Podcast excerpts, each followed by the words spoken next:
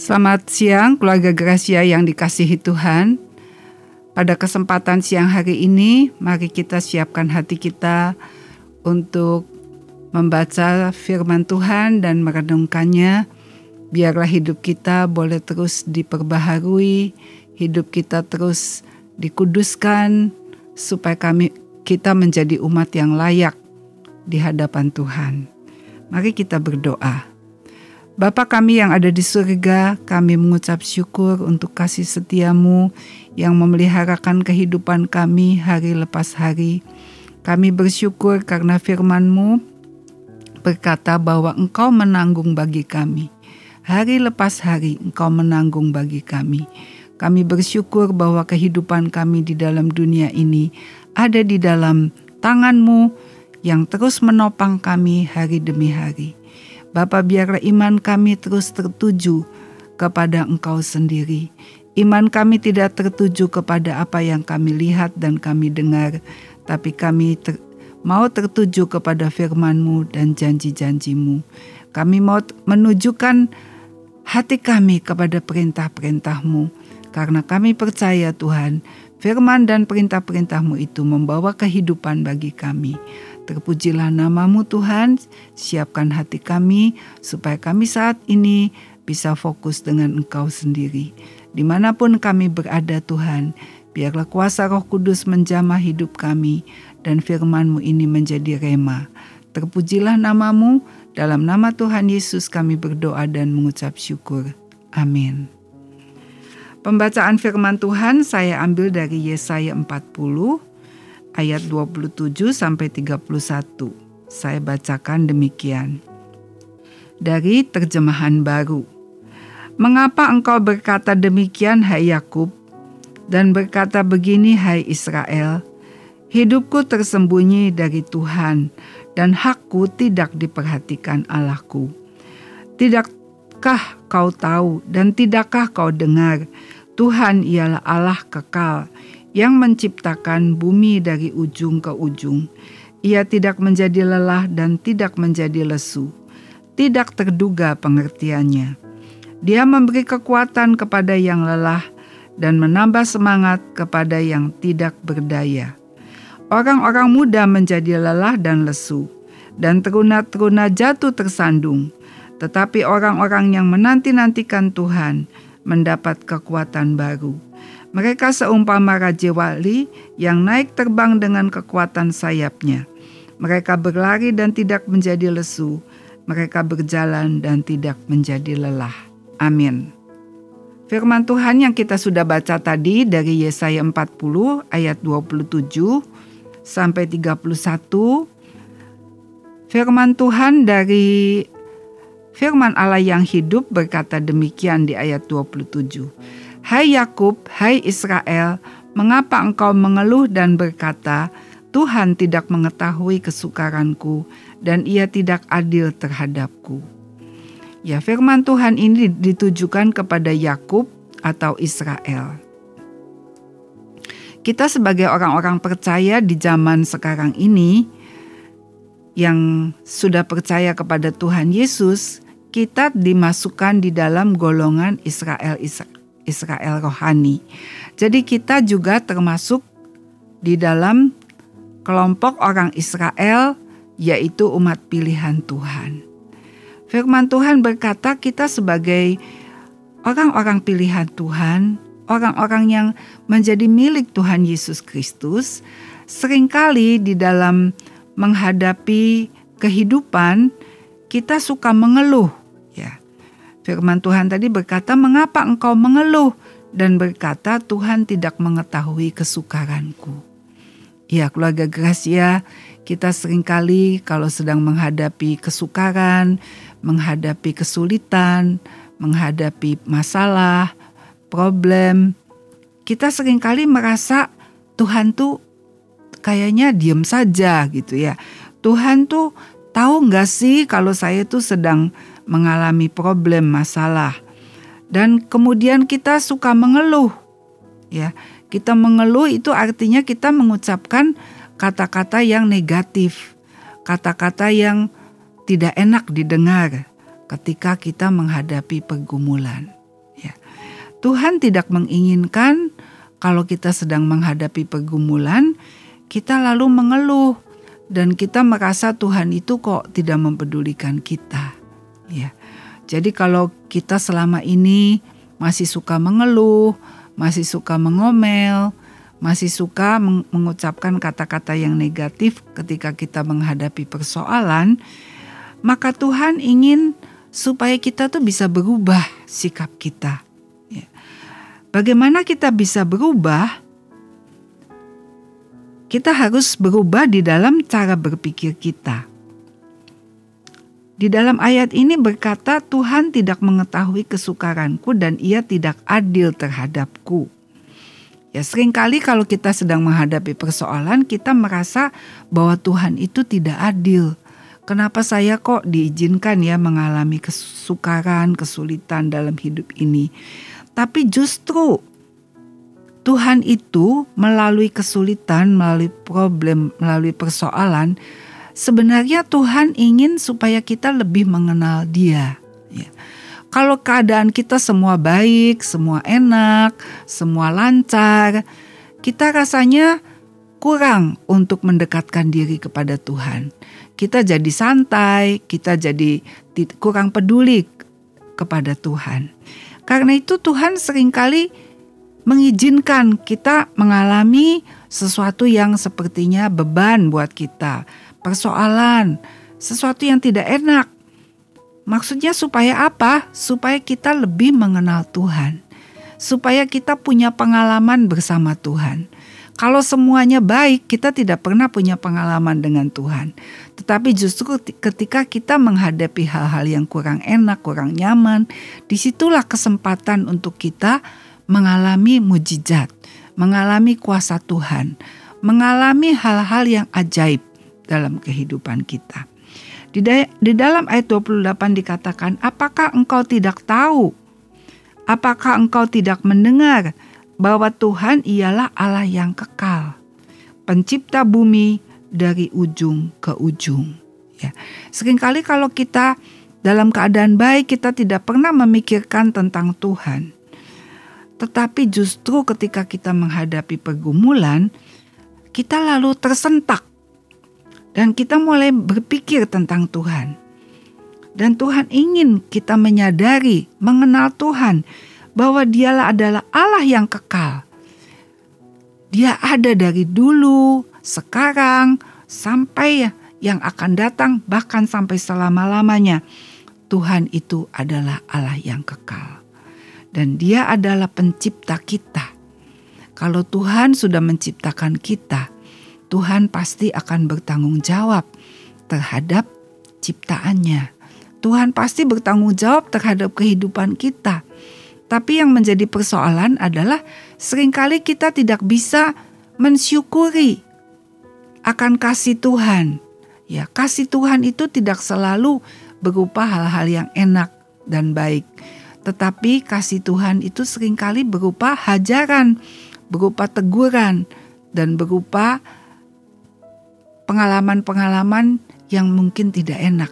Seperti kita juga terhadap anak-anak kita kalau kita mengasihi anak-anak kita, kita tidak selalu memberikan yang enak-enak saja, tetapi kadang-kadang kita memberikan jamu, kita memberikan obat yang pahit kepada anak-anak kita, atau kadang-kadang kita memukul kalau perlu, supaya anak-anak kita itu menjadi anak-anak yang baik dan takut akan Tuhan. Ya, seperti kita juga memperlakukan anak-anak kita Demikian juga Tuhan memperlakukan kita. Jadi kalau kita mengalami hal yang tidak enak, itulah sebenarnya colekan Tuhan. Tuhan tuh nyolek kita supaya, hey, ayo sadari bahwa Tuhan yang kamu sembah adalah Allah yang kekal, pencipta bumi dari ujung ke ujung. Ia tidak pernah menjadi letih atau lesu. Tidak seorang pun dapat mengukur betapa dalam pengertiannya. Jadi justru ketika kita menghadapi hal yang tidak enak, itu adalah kesempatan untuk kita mengalami kuasa Tuhan, untuk kita mengalami mujizat dan pertolongan Tuhan. Sehingga dengan pengalaman itu, kita itu menyadari, iya, Ya ya Tuhan itu Allah yang maha besar. Siapakah saya ini? Saya ini hanya kecil saja. Saya tidak berarti apa-apa di hadapan Tuhan. Ya. Kita sering kali memang tidak bisa mengerti se seutuhnya akan betapa pikiran Tuhan itu hikmatnya, pengertiannya, dalamnya seperti apa kita tidak bisa um, mendalami seutuhnya. Tetapi apa yang sudah tertulis di dalam firman Tuhan itu yang harus kita perhatikan. Itu yang harus kita sungguh-sungguh uh, sungguh-sungguh kita tangkap supaya firman Tuhan itu bisa menuntun kehidupan kita. Saya harus bagaimana sih kalau menghadapi persoalan itu yang Tuhan mau ya. Ayat 29 berkata, Ia memberikan semangat kepada mereka yang letih dan lesu dan memberikan kekuatan kepada yang lemah. Ya. Jadi kalau kita sedang menghadapi persoalan dan kita merasa tidak kuat, kita merasa lemah, Tuhan ingin supaya kita tuh tahu bahwa Tuhan itu menyediakan kekuatan. Tuhan menyediakan semangat yang baru untuk kita. Tuhan tidak membiarkan kita letih lesu, lalu kita dibiarkan. Tetapi Tuhan mau memberi kekuatan. Karena itu kalau kita ada problem, yang pertama kali jangan pergi kepada manusia untuk cari pertolongan. Tapi mari kita datang kepada Tuhan karena Tuhan berjanji dia memberi semangat yang baru, dia memberi kekuatan yang baru buat kita yang lemah. Sehingga dengan kekuatan yang baru kita disegarkan. Kita punya pengharapan dan kita bisa melanjutkan langkah-langkah kita. Kita bisa melanjutkan kehidupan kita dengan janji-janji Tuhan. Ya. Yang pasti setiap hari Tuhan pasti menyediakan pertolongan. Kalau kita mau menjalani per, uh, kehidupan ini hari lepas hari, ya, jangan memikirkan yang terlalu jauh. Tetapi hari ini saja, mari kita minta kekuatan bisa menjalani hari ini dan percaya bahwa persoalan yang kita hadapi itu bukan untuk menghancurkan kita, tetapi persoalan itu untuk memberikan kepada kita kekuatan. Jadi persoalan itu justru memberi kekuatan karena otot-otot iman kita itu dilatih melalui pergumulan, melalui persoalan, maka iman kita itu sedang dilatih untuk menjadi kuat.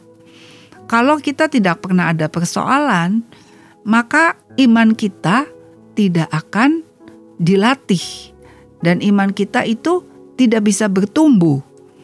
Jadi di dalam kasihnya Tuhan, dia mengizinkan kita mengalami pergumulan dan persoalan supaya otot iman kita, supaya iman kita itu dilatih menjadi kuat. Ya, sehingga kalau nanti ada persoalan besar dalam hidup kita, kita sudah dilatih dengan persoalan-persoalan yang setiap hari kita hadapi. Ya.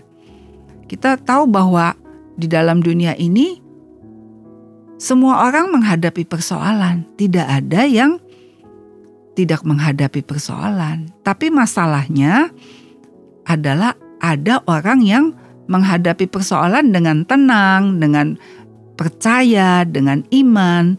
Tetapi ada orang yang menghadapi persoalan dengan galau, dengan panik, dengan khawatir, dengan takut. Itu bedanya. Jadi semua orang tuh pasti menghadapi persoalan. Tetapi yang beda adalah setiap orang meresponi dengan cara yang berbeda. Jadi kita sebagai orang percaya, kita harus meresponi ketika ada persoalan datang dalam hidup kita, kita harus mencari firman. Apa firman Tuhan buat persoalan yang kita hadapi? Karena firman itu mendatangkan kekuatan. Firman itu memberi semangat kepada kita. Kita punya pengharapan dan kita percaya bahwa dalam persoalan apa pun pasti ada jalan keluar. Dan persoalan apa pun Tuhan berjanji tidak pernah melebihi daripada kekuatan kita. Tidak akan melebihi daripada kemampuan kita menghadapi persoalan. Tuhan sudah mengukur kalau si A kuatnya seberapa, si B kuatnya seberapa. Setiap orang diukur sama Tuhan dan tidak akan melampaui daripada kekuatannya. Karena kita tahu bahwa kedewasaan iman setiap orang juga berbeda. Ya, yang ikut Tuhan sudah lama tetapi tidak pernah melatih dirinya untuk uh, berjalan di dalam iman mungkin gak kuat kalau ada persoalan yang berat. Tetapi kalau orang yang setiap hari sudah melatih imannya untuk percaya kepada Tuhan Yesus, maka dia sanggup menghadapi persoalan yang Tuhan izinkan. Ya. Jadi semua sudah diukur sama Tuhan, tidak mungkin melampaui kekuatan kita. Tetapi persoalan kita bisa bertambah berat. Persoalan kita itu bisa bertambah beban yang besar kalau kita meresponi dengan cara yang salah.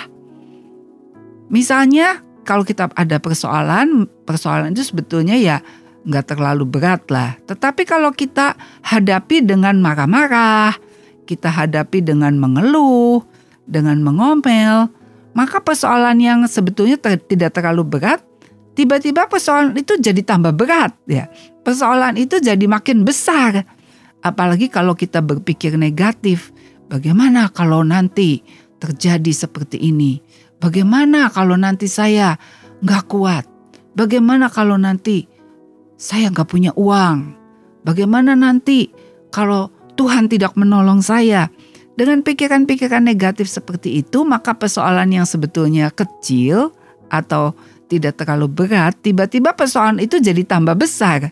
Ya. Jadi kita tuh perlu sekali memandang setiap persoalan itu bukan dengan kekhawatiran, tetapi dengan iman. Percaya bahwa setiap hari Tuhan berjanji Dia menanggung bagi kita Tuhan berjanji setiap hari akan memberikan rezeki kepada kita. Tuhan berjanji setiap hari dia akan menopang kita. Hari demi hari, hari ini bisa dilalui. Kalau kita datang di hari esok, di hari esok ada kekuatan, di hari esok ada kemampuan untuk menghadapi persoalan. Ya, kalau kita seperti itu maka kita akan semangat. Setiap hari ada semangat yang baru. Ya, ayat 30, orang-orang muda dapat menjadi letih dan lesu. Ya, kalau tidak bersama Tuhan, walaupun kita masih muda sekalipun, kita bisa menjadi letih lesu. Tetapi kalau kita jalan bersama Tuhan, sekalipun kita mungkin sudah lansia, tetapi Tuhan memberi kekuatan baru. Para pemuda pilihan dapat jatuh karena kepayahan. Tetapi orang yang berharap kepada Tuhan akan diberi kekuatan yang baru. Puji Tuhan. Ya, di tengah segala persoalan apa pun, Tuhan berjanji akan memberikan kekuatan yang baru. Tuhan akan melatih kita untuk berjalan di dalam iman. Tuhan akan melatih supaya iman kita makin hari makin kuat. Makin hari kita makin mengenal bahwa Tuhan itu baik, bahwa Tuhan itu tidak akan meninggalkan kita. Tuhan itu pasti akan selalu menyertai kita, dan Tuhan akan selalu menolong tepat waktu. Tuhan tidak pernah terlambat untuk menolong setiap orang yang percaya kepadanya, setiap orang yang berpegang kepada janji Tuhan, kepada firman Tuhan, yang berpegang dan tetap percaya Tuhan tidak akan meninggalkan, tapi justru akan mengalami hal-hal ajaib yang tidak pernah kita alami. Orang-orang yang percaya dikatakan mereka akan terbang dengan sayap Raja Wali. Ya, artinya Tuhan akan memberikan sesuatu yang ajaib. Ya, sayap Raja Wali itu adalah sesuatu yang ilahi, sesuatu yang ajaib, sesuatu yang tidak mungkin secara manusia. Ya. Jadi kalau secara manusia kita kan nggak bisa terbang karena kita bukan burung. Tetapi firman Tuhan berkata Tuhan mau memberikan kepada kita sayap raja wali. Ya, uh, burung raja wali itu bisa terbang karena dia punya sayap. Bahkan raja wali itu bisa terbang tinggi dan dia tahan untuk terbang dalam waktu yang lama. Nah, seperti itu yang Tuhan mau berikan kepada kita. Kalau kita percaya, maka akan ada keajaiban dalam hidup kita. Apa yang kita tidak mampu, apa yang secara manusia kita tidak sanggup, tetapi Tuhan akan memampukan.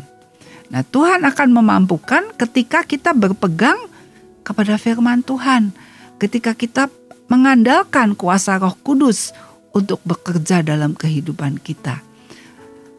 Nah, uh, kuasa Tuhan akan bekerja dengan bebas ketika mulut kita mengucapkan kata-kata firman, ya, bukan kata-kata keluhan.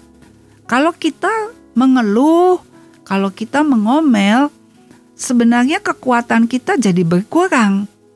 Dengan kita mengatakan kata-kata yang negatif, maka kekuatan kita itu menjadi berkurang.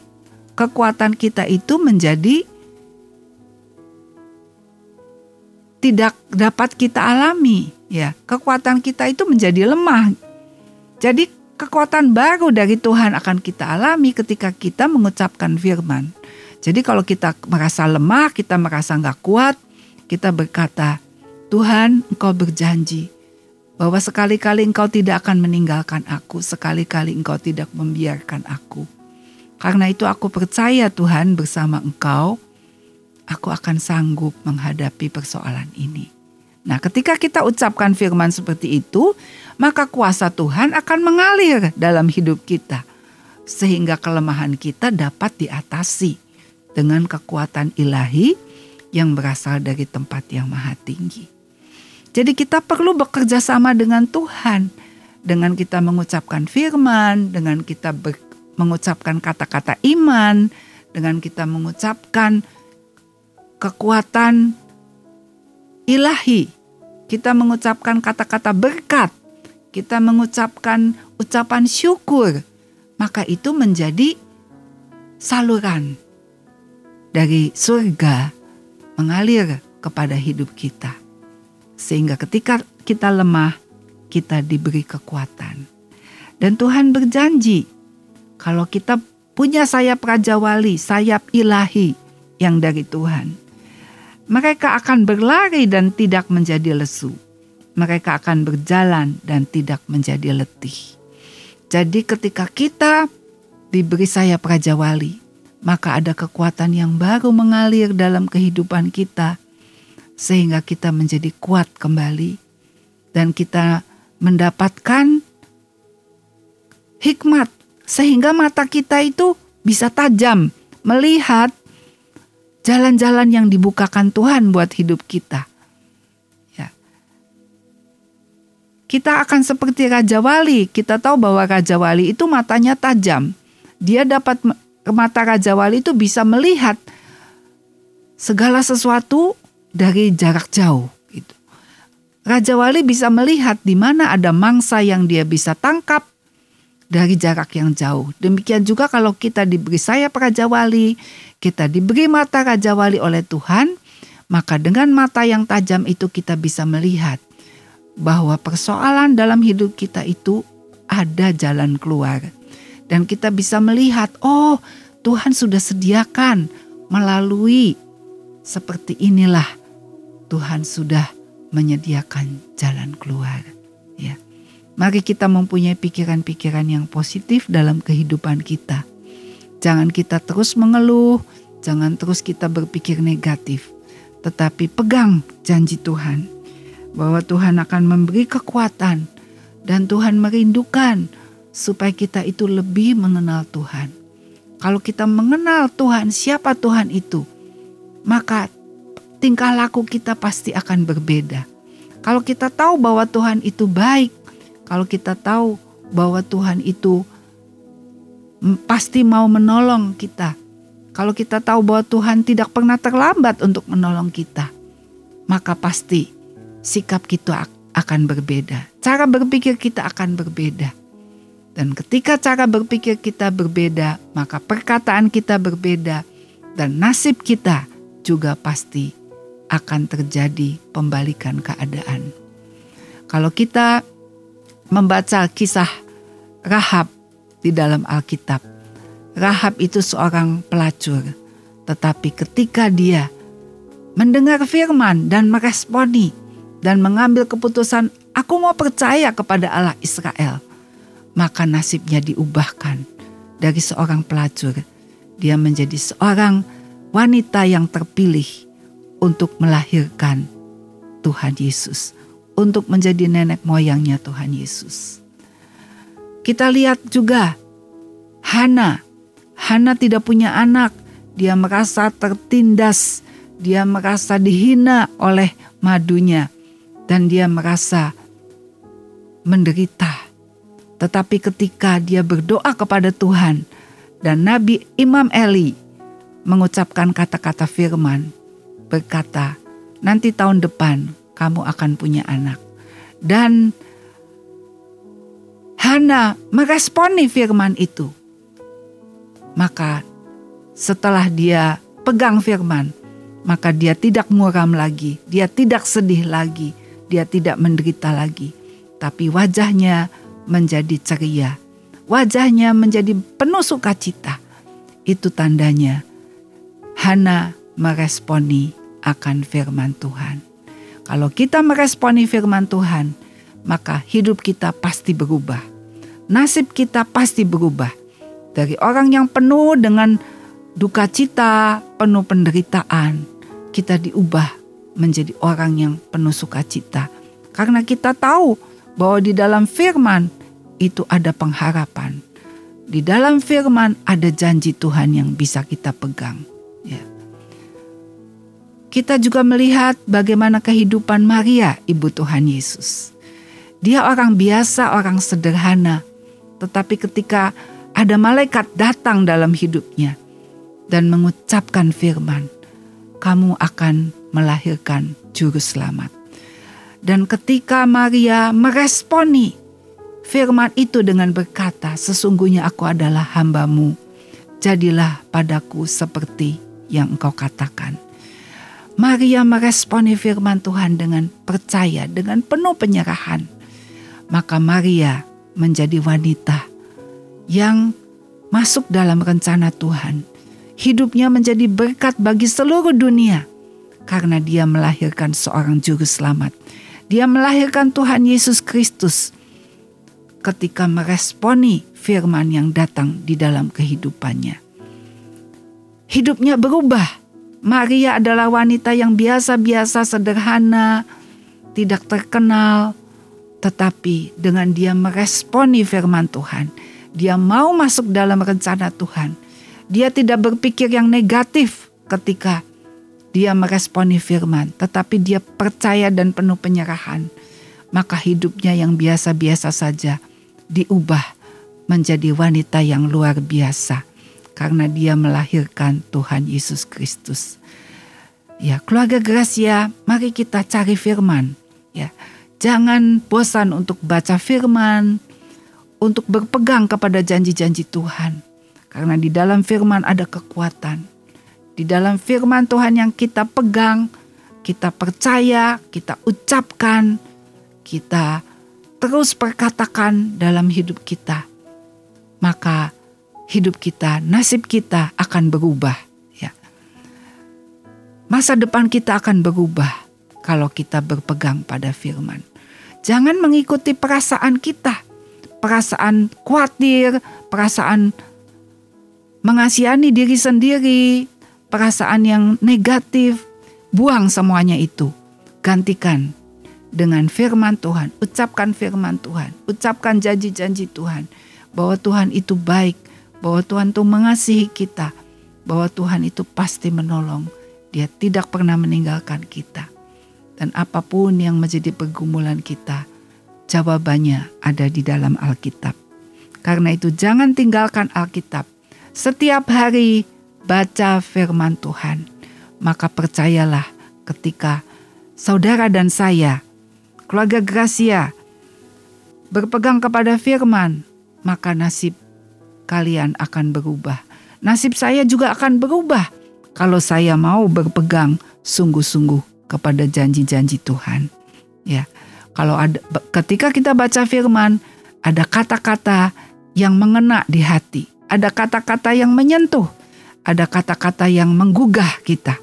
Pegang itu, tulis dan tempel di tembok supaya setiap hari kita mengucapkan firman itu. Setiap hari kita perkatakan, maka percayalah keluarga Gracia, nasib saudara dan nasib saya, nasib kita semua akan diubahkan kita tidak lagi menjadi orang yang dikalahkan oleh persoalan, tetapi kita menjadi orang-orang yang menang. Kita menjadi pemenang-pemenang karena Kristus mengasihi kita. Amin. Mari kita berdoa. Bapa yang ada di surga, kami mengucap syukur untuk kasih setiamu karena firmanmu Tuhan memberikan kekuatan. Firmanmu memberi pengharapan.